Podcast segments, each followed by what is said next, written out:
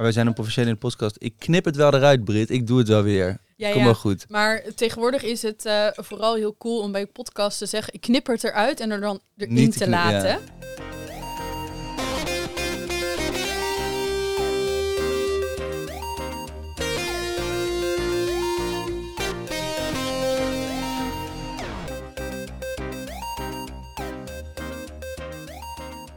Hey, leuk dat je luistert naar deze aflevering van de Paagman Tip Boeken Podcast. Mijn naam is David en ik ben jullie host samen met Brit.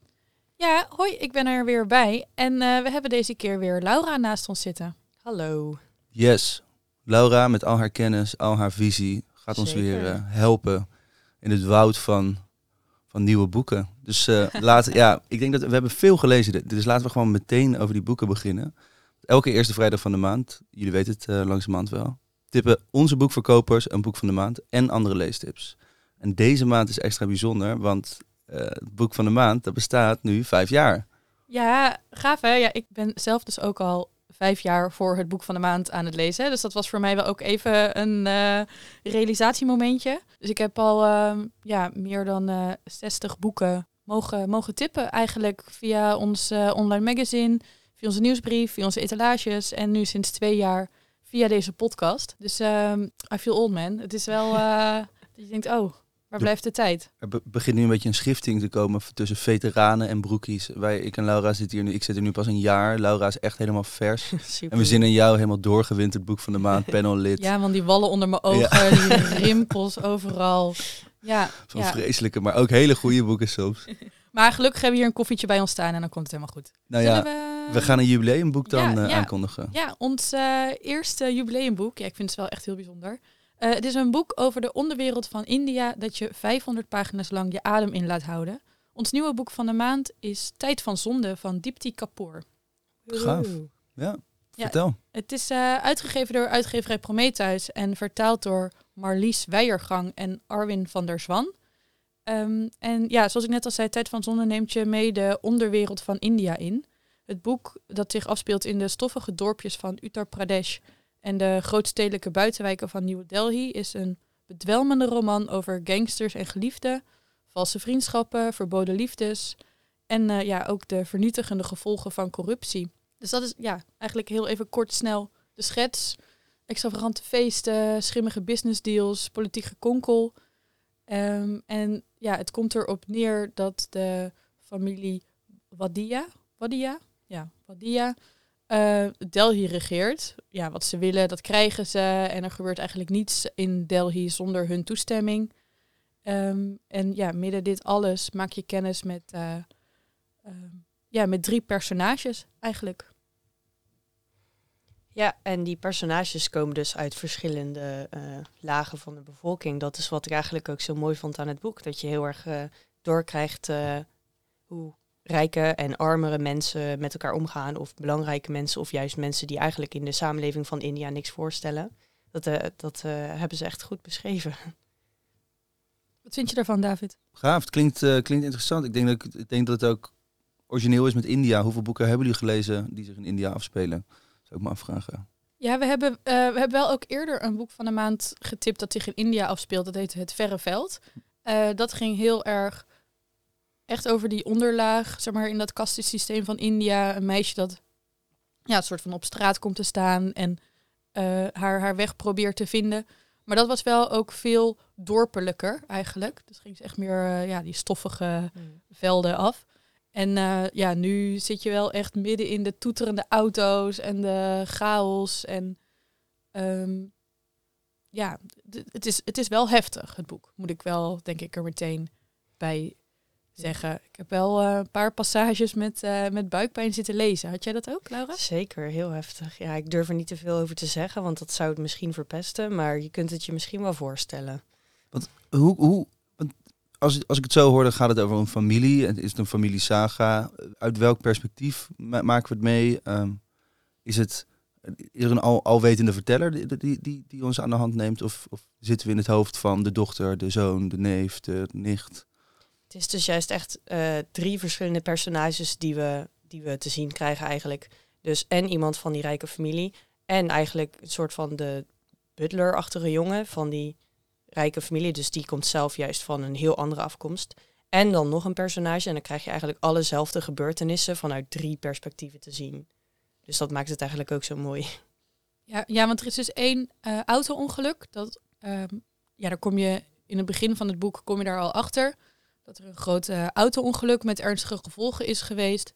Um, en ja, dat zorgt ervoor dat de levens van die drie personages, uh, Ajay, Ajay de, ja, dus die, die jongen uit de lage levels van de samenleving, Sunny, de ja, soort eigenlijk een nepo-baby, wat mhm. tegenwoordig natuurlijk helemaal... Uh, Voor de wat minder Gen Z uh, luisteraars onder ons, een nepo-baby is... Ja, dat is een, een, een, kind dat in een grote, goede, rijke familie wordt geboren en uh, heel veel dingen al voor het oprapen heeft liggen, omdat dus zijn ouders, of kan ook volgens mij wel zijn oom of wat dan ook, in ieder geval een deel van zijn familie het al voor elkaar heeft. Dus daardoor kansen krijgt die ja, andere mensen keihard voor moeten knokken. Ja. Uh, en dan heb je nog Neda. En zij komt ook wel uit de wat rijkere lagen van de Indiaanse bevolking. Um, maar ja, niet. Dus zij woont wel op een compound bijvoorbeeld. Maar ze is niet zo rijk als Sunny rijk is. Ze moet wel gewoon werken voor haar geld, een soort van. Uh, nou ja, en die drie levens die door dat auto-ongeluk ja, veranderen op een diepgaande en hartverscheurende wijze. En vervolgens ga je eigenlijk weer terug in het boek. Leer je het hele ja, levensverhaal van Ajay, hoe hij is gekomen waar die, uh, waar die is. Um, en ja, leer je ook meer over Sunny en hoe hij zijn opvoeding heeft ervaren. Um, ja, en ondertussen kom je dus ook in die achterkamerpolitiek. Uh, er zijn ook hele passages die zich afspelen in de gevangenis. We zeggen niet wie er in die gevangenis terechtkomt, maar nou ja, ook ja, daar, ik weet niet of jullie wel eens Locked Up Abroad of zo mm -hmm, op mhm, Discovery mm -hmm. hebben gezien. Nou, dat vind ik altijd al heel heftig. En als het dan zo op papier staat, dan is het nog steeds heel heftig. ja. Hey, en uh, iets waar we het voor het opnemen eigenlijk over hadden. Het is een trilogie, of het blijkt deel van een trilogie, dit boek. Ja, ik heb dus even diep Google searched en toen kwam ik uh, daar, uh, daarachter. Um, ja, ik weet dus niet, um, het staat ook nergens op het boek. het staat ook niet um, op de websites van, van de uitgeverijen dat er nu staat iets van Tijd van Zonde 1 of zo. Of, dus ik ben heel benieuwd waar dat verder naartoe gaat. Maar ja, het verklaart wel. Want ja, het is dus echt een levig boek, 500 pagina's. En het is niet per se een boek wat volledig closure geeft. Maar dus er zitten nog echt wel wat losse eindjes uh, aan het eind van het boek. Een paar vraagtekens. En ja, dat zou misschien dat die dus in een boek 2 of boek 3 worden opgelost. Ja, ik zou in ieder geval wel benieuwd zijn. ja, wat, wat, wat vond jij van de, van de losse eindjes? De vraagstukken? Was voor jou alles helder? Of, uh... Nee, het was niet een helder einde van een verhaal per se. Maar ik moet zeggen dat ik daar wel van houd eigenlijk. Um, dat je toch zelf nog wat kan invullen. En ik bedoel, in de echte wereld gaat het natuurlijk ook niet zo aan toe. Dus ik vond het juist wel gewoon bij het boek horen. Maar ik ben dan alsnog benieuwd natuurlijk naar wat ze verder nog erover gaat zeggen. Of dat ze weer, weer iets heel anders uh, kan natuurlijk ook. Ja, dat kan natuurlijk ook, inderdaad. Dat het, dat het een trilogie, het kan ook gewoon dat ze India probeert te schetsen en dat doet ze wel goed. Andere personages of zo. Ja, precies. Uh... Dat is vind ik altijd de enge van series. Daar hadden we het net ook heel even over. De auteur heeft je dan straks helemaal in zijn macht. Dus die kan jouw hele prettige leeservaring van de eerste, kan die helemaal ondersteboven gooien met de tweede. Maar we gaan, moeten gewoon hopen en we namens ons, namens het boek van de maand, willen we ook Depti Kapoor ook inspireren om te zeggen, ga zo door. Want dit was echt te gek, denk ik. Ja, ja. zeker. Nou, ja. Hopelijk luistert ze. Gaaf. Depti Kapoor, Tijd van Zonde. Wij lezen altijd meer dan alleen het boek van de maand, anders kunnen we niet kiezen. Wat zijn de afvallers deze maand?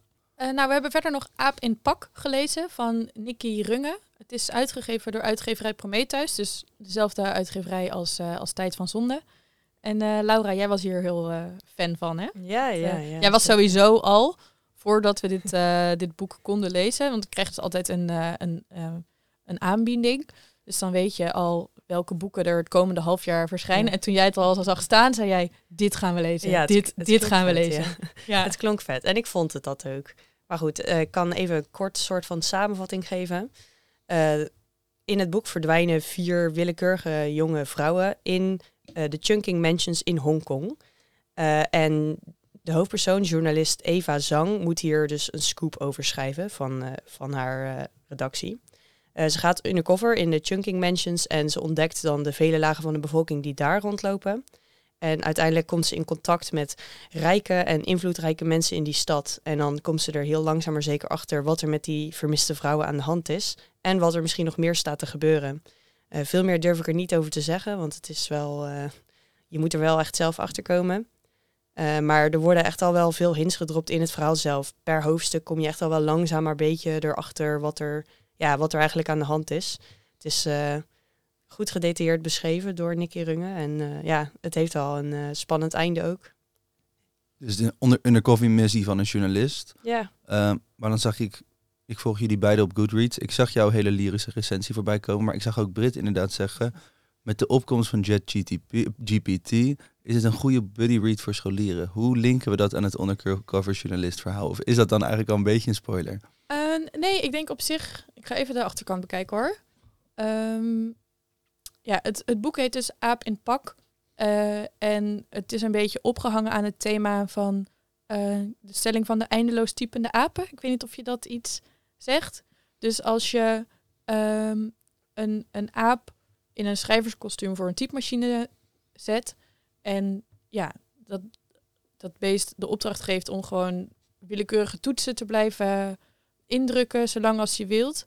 En dat, ja, dat uiteindelijk ooit zal daar uh, een volledige kopie van een van William Shakespeare's meesterwerken uitkomen. Ja. Omdat, ja, zeg maar, nou ja, toetsencombinaties natuurlijk tot, tot, tot in het oneindige. En ja, die combinatie moet daar dus ook ooit tussen zitten. Mm En dat is een beetje met de kunstmatige, kunstmatige intelligentie.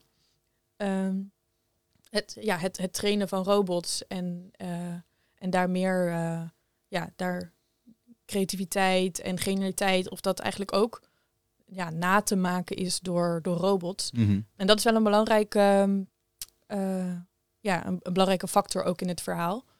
Um, ik denk dat we er niet te veel over kunnen zeggen, omdat het een deel van de oplossing is van uh, het mysterie. Het mysterie. Ja. Um, maar het, het, zet je wel aan het denken. En uh, Nicky Runge doet zelf ook onderzoek naar identiteit en sociale taalkunde en moderne kunst. En ja, dat, dat, dat merk je wel in haar boek, dat ze, daar, uh, dat ze daarin geïnteresseerd is. Dus in die zin denk ik dat Aap in Pak ook wel een goede ja, ja, voer is voor gespreksonderwerp uh, ja, in, in de klasse denk, bijvoorbeeld. Ik denk dat, dat die opkomst van dat JetGPT, dat het ook voor heel veel mensen een soort van enorme incentive is geweest om zich erin te verdiepen. Mensen zijn helemaal ja, als een soort van kip zonder kop alles aan het volgen met het nieuws. Is misschien inderdaad voor iedereen eigenlijk wel een leuke, uh, ja, zogezegde body read. Om een klein beetje dat onderwerp in het Ja, want je werkt dat, inderdaad nu is het dan in het, in het nieuws. En oh, dit gaat, uh, dit gaat uh, ervoor zorgen dat we zelf nooit meer hoeven na te denken. En alles kan nu door kunstmatige intelligentie voor ons gemaakt worden. Maar ja, ja, is dat wel zo? En wat ik al zei, ik zag jullie beiden op Goodreads met een recensie. Bij Laura was die een dikke vette vijf ster. Bij Brit was die wat minder. Wat is, wat, waarom geen vijf ster bij jou? Nou ja, ja um, voor mij was het dus toch, dus dat hele concept um, lag wel heel erg op de, op de voorgrond. Um, en dan, uh, ja, je voelde op een gegeven moment al heel erg dat, dat, dat ja, dat is met gewoon met die filosofische thema's bezig is en met, met, ja, met die thema's in haar hoofd waarschijnlijk dit verhaal is gaan schrijven. Um, en dat kan er dan voor mij dan soms een beetje zorgen dat ik um, ja, me niet helemaal in het verhaal kan verliezen en het dan daardoor een beetje vlak voor mij blijft. Um, maar ja, ik denk dus zeker dat het voor, uh, voor veel lezers een, uh, een interessant boek is om, uh, om te lezen. Zeker. Ik vond het ook wel weer een beetje passen bij de kant van de speculatieve fictie. Net als hoe bijvoorbeeld Afke Romein of Hanna Bervoets hadden we het ook al over gehad. Hoe die dat doen, dus een soort van situatie, wereld schetsen die echt is, maar toch net iets anders. En wat dat dan met de mensen allemaal doet en wat, hoe je daarover denkt. En Misschien dat conceptuele, daar moet je wel echt, want je hebt mensen die hem wegleggen als het echt te conceptueel wordt. mm -hmm. uh, dus misschien daarom de reden. Ja, jij moet inderdaad wel een soort van interesse hebben in de thema's. Ja. ja. Next, we gaan door, we gaan door. Ja, dat is eigenlijk bij ons tweede boek ook een beetje het geval, wat we willen tippen. Dat is namelijk Morgen en Morgen en Morgen van Gabriella Sevin. Het is uitgegeven door uitgeverij Nieuw Amsterdam en vertaald door Gerda Baartman. Uh, en dit boek gaat over gamen. Dus ook dat is wel, ja, je moet er geïnteresseerd in zijn uh, of niet. Maar ja, ja, het is een verhaal dat zich op het eerste gezicht als een vrolijk verhaal presenteert vol pop- en gamecultuur. Maar er zit natuurlijk ook wel weer een, uh, een laag onder. Mm. Wil je daar wat over zeggen, Laura? Um, je zegt net, je moet er geïnteresseerd in zijn. Nou ben ik dus zelf eigenlijk helemaal niet geïnteresseerd in games. Maar toch was het nog steeds wel een vermakelijk boek. Uh, misschien ook gedeeltelijk door de relaties tussen die mensen of door de stad waarin het zich afspeelt. Of misschien zelfs wel gewoon door de schrijfstijl. Het is misschien niet van iedereen het meest favoriete onderwerp, maar het is uiteindelijk toch wel gewoon een vermakelijk boek. Ja, en wat ik, ik heb begrepen dat het een soort beeldingsroman is. Dus jongere mensen. Ja, ja uh, die zich eigenlijk rondom die gamewereld bewegen. Uh, en daar zit ook liefde bij. Nou ja, eigenlijk vooral uh, vriendschap. Het begint namelijk met, ja, het gaat over Sadie en Sam. En je leert hun kennen al op, op 11 en 12-jarige leeftijd. Um, Sam heeft geen makkelijke jeugd. Hij heeft een heel groot auto-ongeluk gehad, waardoor zijn uh, voet een soort van naar gruzelementen is. En uh, het zusje van Sadie uh, heeft kanker, leukemie. Uh, en zodoende leren ze elkaar kennen in het ziekenhuis. En ja, vanuit daar um, blijven hun, hun levens bij elkaar, bij elkaar betrokken. En komt er een hele bijzondere vriendschap uit, die dus ook echt dieper gaat dan. Ja, ja ze, ze, ze begrijpen elkaar echt op, op hele diepe, diepe levels. Uh, ja, en die jarenlange vriendschap, die, die volg je van heel dichtbij. Die kent hoge pieken, diepe dalen. Um, het is echt ook een stuk uh, zorgzaamheid die ze voor elkaar hebben. En um, ja, dat is echt wel heel bijzonder eigenlijk om dat, om dat te zien. Want ze vinden elkaar in de wereld van het gamen. En dat ze ook de boventoon blijven voeren in hun vriendschap. Uiteindelijk zullen ze zelf ook hun eigen gamewerelden gaan creëren. En ja, tegelijkertijd zijn ze ook hun eigen identiteit aan het ontwikkelen. Um, ja, dus dat eigenlijk. Dit was een enorme, enorme hit in Engeland en Amerika. En ik denk ook wel dat gamen in de literaire wereld een elephant in the room is die een beetje wordt genegeerd door misschien ook puristen die zeggen dat is juist wat lezen niet is.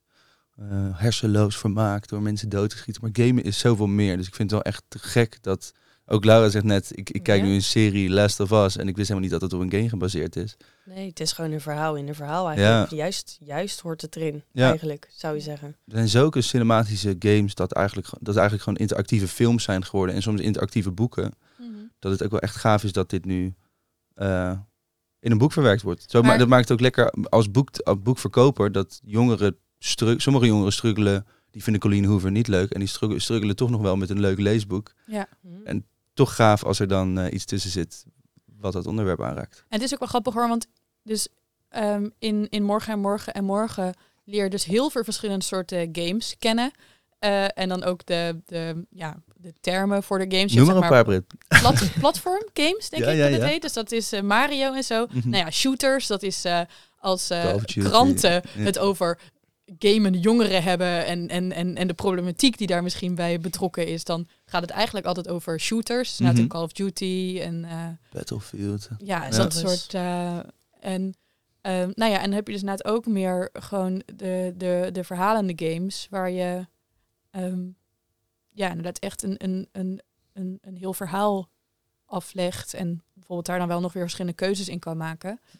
Ehm, maar dan, ja, in het boek zit bijvoorbeeld ook dan een, eh, een, een, een docent van game technieken die dus bijvoorbeeld heel erg afkeurend is tegen shooters. Zeg maar, die is Oh ja. van ja, shooters, dat, dat is weer de, de pulp, zeg maar, van, van de games. Dus eh, ja, het is eigenlijk hetzelfde als bij literatuur, waar eh, soms, ja, nou ja, door inderdaad sommige echte literaire liefhebbers Mhm. naar de Zeven Zussen afwijzend gekeken kan worden. Dat heb je dus in de gamewereld ook weer. In, Ja. Ja, daar is ook weer een rangorde. En dat, is, eh, dat vond ik wel heel grappig ehm, om, ja, om daar meer over te lezen. ja, gaaf. We hebben er echt wel wat van geleerd. Ja, we hebben er echt wel wat van geleerd. Gaaf, gaaf. En ondanks dus niet boek van de maand, maar dat komt denk ik, ik denk dat dat eigenlijk al een beetje is op te maken uit de recensie die, we er, die jullie er nu van geven. Wellicht een beetje te specifiek, wellicht uh, ja, niet helemaal inclusief voor, voor iedereen die we willen aanspreken daarmee. Dat het toch ook mensen kan afschrikken. Ja, en ja, wij vonden Tijd van Zonde, nou, dat was gewoon echt, uh, echt een banger. Dus uh, ja. dus desalniettemin toch een tip. Laatste boek wat gelezen is, wat we tenminste gaan bespreken. Jullie lezen veel meer, wel twintig boeken per maand. Maar het laatste wat we gaan bespreken. Ja, dan hebben we ook nog Polder Japaner gelezen van Fumiko Miura. Door uitgeverij van Oorschot. En uh, Fumiko Miura is een uh, Japanse vrouw en ze is verhuisd naar Nederland. En dat is eigenlijk gewoon waar het boek over gaat. Over haar eigen leven en ervaringen. Uh, en in Japan en in Nederland. En zij heeft dus een Nederlandse man ontmoet in Japan. En die Nederlandse man die had Japans gestudeerd en die was heel erg gek op die cultuur daar. En zij merkte zelf dat ze dat zelfs al wat minder kende. Maar daardoor was ze juist geïnteresseerd geraakt ook in de Nederlandse cultuur van haar man. En nou ja, ze vindt in het boek vertelt ze een soort van in anekdotes wat ze dan bijvoorbeeld tegenkwam. Uh, bijvoorbeeld uh, wat, de, wat er op de achterkant van het boek staat. Ja, je kunt drie keer per dag genieten van eten. En dan kies je twee keer voor brood met kaas. Ja, voor mij als Nederlander was dat heel herkenbaar. Want ik eet dus ook echt twee keer per dag bruine boterham met kaas. Dus ik dacht, nou, dat is toch niet zo gek. Maar het is heel leuk om dat uh, te zien hoe ze dat allemaal uitwerkt, eigenlijk. Ja, ja, het gaat gewoon inderdaad heel erg over het um, ja, bekijken van, van cultuur en dingen door, door andermans ogen. En ik vind het, uh, het, waarom ik graag lees, is omdat je kennis kan maken met werelden die jij zelf niet kent. Ja. Uh, dus daar iets uit kan leren, nieuwe culturen, nieuwe ideeën, dat soort dingen. Um, en Polder Japanner zorgde er eigenlijk voor dat je vooral je eigen cultuur weer even door frisse ogen bekeek. Um, inderdaad, die, die boterhamkaas. Uh, een ander stukje uit het boek wat ik echt heel leuk vond, was um, hoe het, het verschil tussen Japanners en Nederlanders op de fiets. Weet je wel, ik wil gewoon zo snel mogelijk van A naar B. En iedereen die mij in de weg rijdt, die vind ik irritant. Want ik wil gewoon eigenlijk op top speed ja. gewoon, gewoon doorkarren. En terwijl in Japan, want zij zei dus van, nou ja, in Japan fietste ik ook altijd naar mijn werk. En uh, dat was een uh, leuk ritje.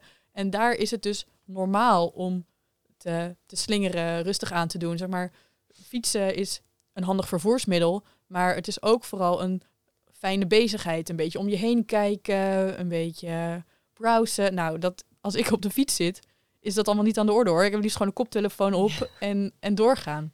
Het is grappig hoe wij al die dingen herkennen dan. Oh, vinden andere mensen dat raar? Ja. ja. is dat niet ook wel specifiek aan de persoon wie het leest, of het herkenbaar is en of misschien niet een beetje clichématig is, in de zin van, het is toch een soort stereotypering van hoe Nederland dan is. Of, uh, en hoe zij, dat, hoe zij dan ook misschien zelfs Japan, voor Japan heeft, is, natuurlijk ook haar eigen beleefwereld geweest.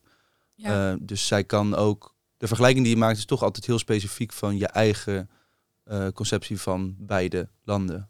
Dat is misschien een valkuil. Of jullie zeiden wel van, joh, ik, het beeld wat zij schetst van een Nederlander, dat ben ik wel 100%. Nou, misschien gedeeltelijk dat het specifiek is, maar het zijn wel ontzettend veel voorbeelden en toch wel ook algemenere dingen. Dit zijn dan twee specifieke dingen natuurlijk die wij hebben genoemd. Maar ik denk dat over het algemeen de meeste mensen zich er wel in zouden kunnen herkennen. Ja, ja en het gaat ook, het gaat ook wel. Um, het, is, het is niet alleen kijk eens, dit zijn de gekke dingen die jullie doen. En dit is wat ik allemaal gek vond aan mijn tijd die ik tot nu toe heb gehad in Nederland. Maar het gaat ook een beetje over je eigen cultuur waarderen. Ik denk dat we soms wel wat vaker uh, in ons eigen land of onze eigen stad mogen rondlopen en kijken van, oh ja, wat, ja, wat, er, wat er allemaal voor moois te zien is. Ik denk dat veel mensen dat op zich met, door corona de afgelopen jaren mm -hmm. al wel iets meer vakantie in eigen land, plekken weer hebben herontdekt. Maar ja, soms hebben we ook gewoon niet meer door ja, hoe mooi de wereld om ons heen in onze kleine kring al is. Inspireert jou toch wel. Ja. Jeetje, ja. Brit. Um, maar niet het boek van de maand. Hoe kan dit? Wat is er gebeurd? nou ja, ik denk dat het voornamelijk misschien toch wel de schrijfstijl is. Het zijn meer soort van anekdotes achter elkaar. Een beetje luchtig opgeschreven.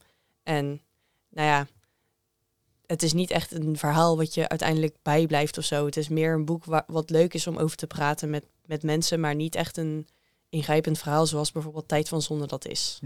Ja, dus nog even een lang verhaal kort. Lang verhaal kort. Lang verhaal kort. Ja, ehm, als je dus deze maand één boek zoekt om te lezen, dan eh, zouden wij dus heel erg Tijd van Zonde van Dipti Kapoor eh, aanraden. Het is echt een, eh, een, een boek dat eh, ons 500 pagina's lang onze adem heeft laten inhouden. Welkom in een wereld van gangsters, gewelddadig tuig, drugsverslaafden, ontvoerders en moordenaars. Ehm, maar ja, tegelijkertijd ook gewoon een, eh, een episch verhaal ehm, over jezelf ontdekken, vriendschappen. En, eh, ja, en dat is alles eh, in India. Onder de streep, David, komt dit ergens in jouw leestapel of ben eerlijk? Absoluut, ja. Maar hij komt samen met een ander boek in mijn leestapel. Vorig jaar bij de International Booker Prize Award heeft ook een Indiaanse schrijver gewonnen. Even kijken of ik nog weet hoe dat heet. The Seven Moons of hm, hm, Nee. Amelie. Ja, maar dat is, de, dat is een Brits-Indiaanse eh, Oh. schrijver. Maar er heeft een India, eh, India, iemand uit India heeft ook eh, Oh, de de, International. gewonnen. En dat was, schijnt ook helemaal fantastisch te zijn. Dus die had ik al op mijn stapel liggen. En altijd als ik een boek lees in een bepaald land, wil ik dan nog een boek lezen uit een bepaald land. Dus die gaat er denk ik gewoon bij. En dan wordt het een soort van samenread. Want ik vind het wel te gek klinken. Origineel ook om... We hebben best wel veel... Sinds ik bij het boek van de maand zit, hebben we best wel veel Britse auteurs behandeld. Vaak als we internationale boeken deden, was het Brits, soms Amerikaans. Ja. Maar toch heb ik het gevoel dat het veel Brits was. Dus ik vind het echt te gek dat we een keer iets Ja, uit India hebben. We zijn ook heel ja, erg Duits, Duits. en, en eh, Engeland. we zi- zitten tussen die, die twee eh, Ja, grootmachten. ja, van- we hebben ons ontdaan van ze. We gaan nu echt eh, leuk, exotisch India in. Te gek. Ik, eh, hij komt zeker op de stapel. Nou, ik ben Nou, blij dat jij ja. ook enthousiast bent. Ja, tuurlijk. Jullie zijn niet eh, zomaar tippers. En we moeten nog ergens over hebben, David. Oh. Heb je de beesten gelezen? Nee. Ik zei net wel heel trots. Ik zei net wel heel trots. Ik heb zes boeken gelezen deze januari. En de beesten zat er niet bij. Ja, maar ik heb tegen Brit gezegd, ik wil dat leesexemplaar. Heb je een leesexemplaar voor mij? Want ik, ik, ik, Ja, ja, ja. Je ik- gaat ik het nu in mijn niet. schoenen En schuiven. toen heb je mij een pdfje op WhatsApp gestuurd. En waar ik niet tegen kan, is op mijn telefoon lezen. En ik heb geen e-reading, dus het ging helemaal moeilijk. Maar hij staat nog wel in mijn lijst. Zoals Donkerbloem Zwijg- Zwijgt ook nog staat. En dan ga ik straks, zo meteen na de podcast, ga ik naar huis. En dan ga ik Donkerbloem Zwijgt lezen. Dat was niet het boek van de maand, maar eentje die jullie tipten. Vier maanden geleden. En toen zei ik wel, die komt op mijn lijst. Ja. Dus, Dus wat heb je afgelopen maand wel gelezen? ja. Wil je het daar nog even over hebben? Nou ja. Noem me maar, dan eh, kan ik hem... eh, wie weet inspireer je nog weer iemand. Het stond ook in de NRC. Ja, oh ja, die. Ja, ja. Eh, eh, Jaroslav Hasek, De lotgevallen van de brave soldaat Schweck. Dat is echt, het- echt, een, echt een super fantastisch boek. En toevallig, Michiel Krielaars, inderdaad in de NRC, begint er ook opeens over. Maar het is een Ja, ik boek uit whatsappte 19 jou al. Ik zeg, Ja. David, sinds wanneer werk je bij de NRC? Het is een boek uit 1932 van een soldaat. ehm, wat een su supercult figuur is geworden in Tsjechië. En dat is een soldaat die neemt alles wat zijn mensen tegen al zijn legeraanvoerders en iedereen eigenlijk tegen hem zegt, elke autoriteit tegen hem zegt, neemt hij allemaal letterlijk. En neemt ze eigenlijk op die manier de hele tijd in de maling. En dat hele boek, het is 800 bladzijden, dus het is even zitten. Maar het is één grote, ja, in het Engels een piss-take, een shithouse. Het is, de- hij neemt iedereen in de maling en hij laat helemaal zien hoe het, zowel eh, de kerkelijke macht in die tijd, zowel de, de militaire macht, totaal nergens op slaan. En dat het fantastisch. Maar het is misschien, wij kunnen hem dan denk ik bij Pagman zeker nog wel krijgen. Eh, maar wat ik altijd, we hebben ook een mooie tweedehands afdeling bij Van Paagman. Daar heb ik hem zelf gekocht. Daar komt hij nog wel eens langs. Kijk daar goed voor uit. En dan is het echt, eh, dat is mijn super tip. Super klassieke tip eh, van, dit, eh, van deze Ja, maand. dankjewel. Nice. Ja. Ehm, ja, en wil je meer weten over de boeken die wij tippen? Op pagman.nl slash podcast is alles terug te zien. Eh, Of schrijf je in op onze nieuwsbrief. Dan krijg je ook eh, alles wat je moet weten van ons. eh, gewoon lekker op de mail. Ja, en eh, ja, op social media zijn we te vinden via @paagman. Nou, ik hoop dat je het leuk vond en dat je volgende maand weer luistert. Eh, voor nu in ieder geval eh, super bedankt. Laura, David, dankjewel. En tot volgende maand. Yes. Super doei! Doei.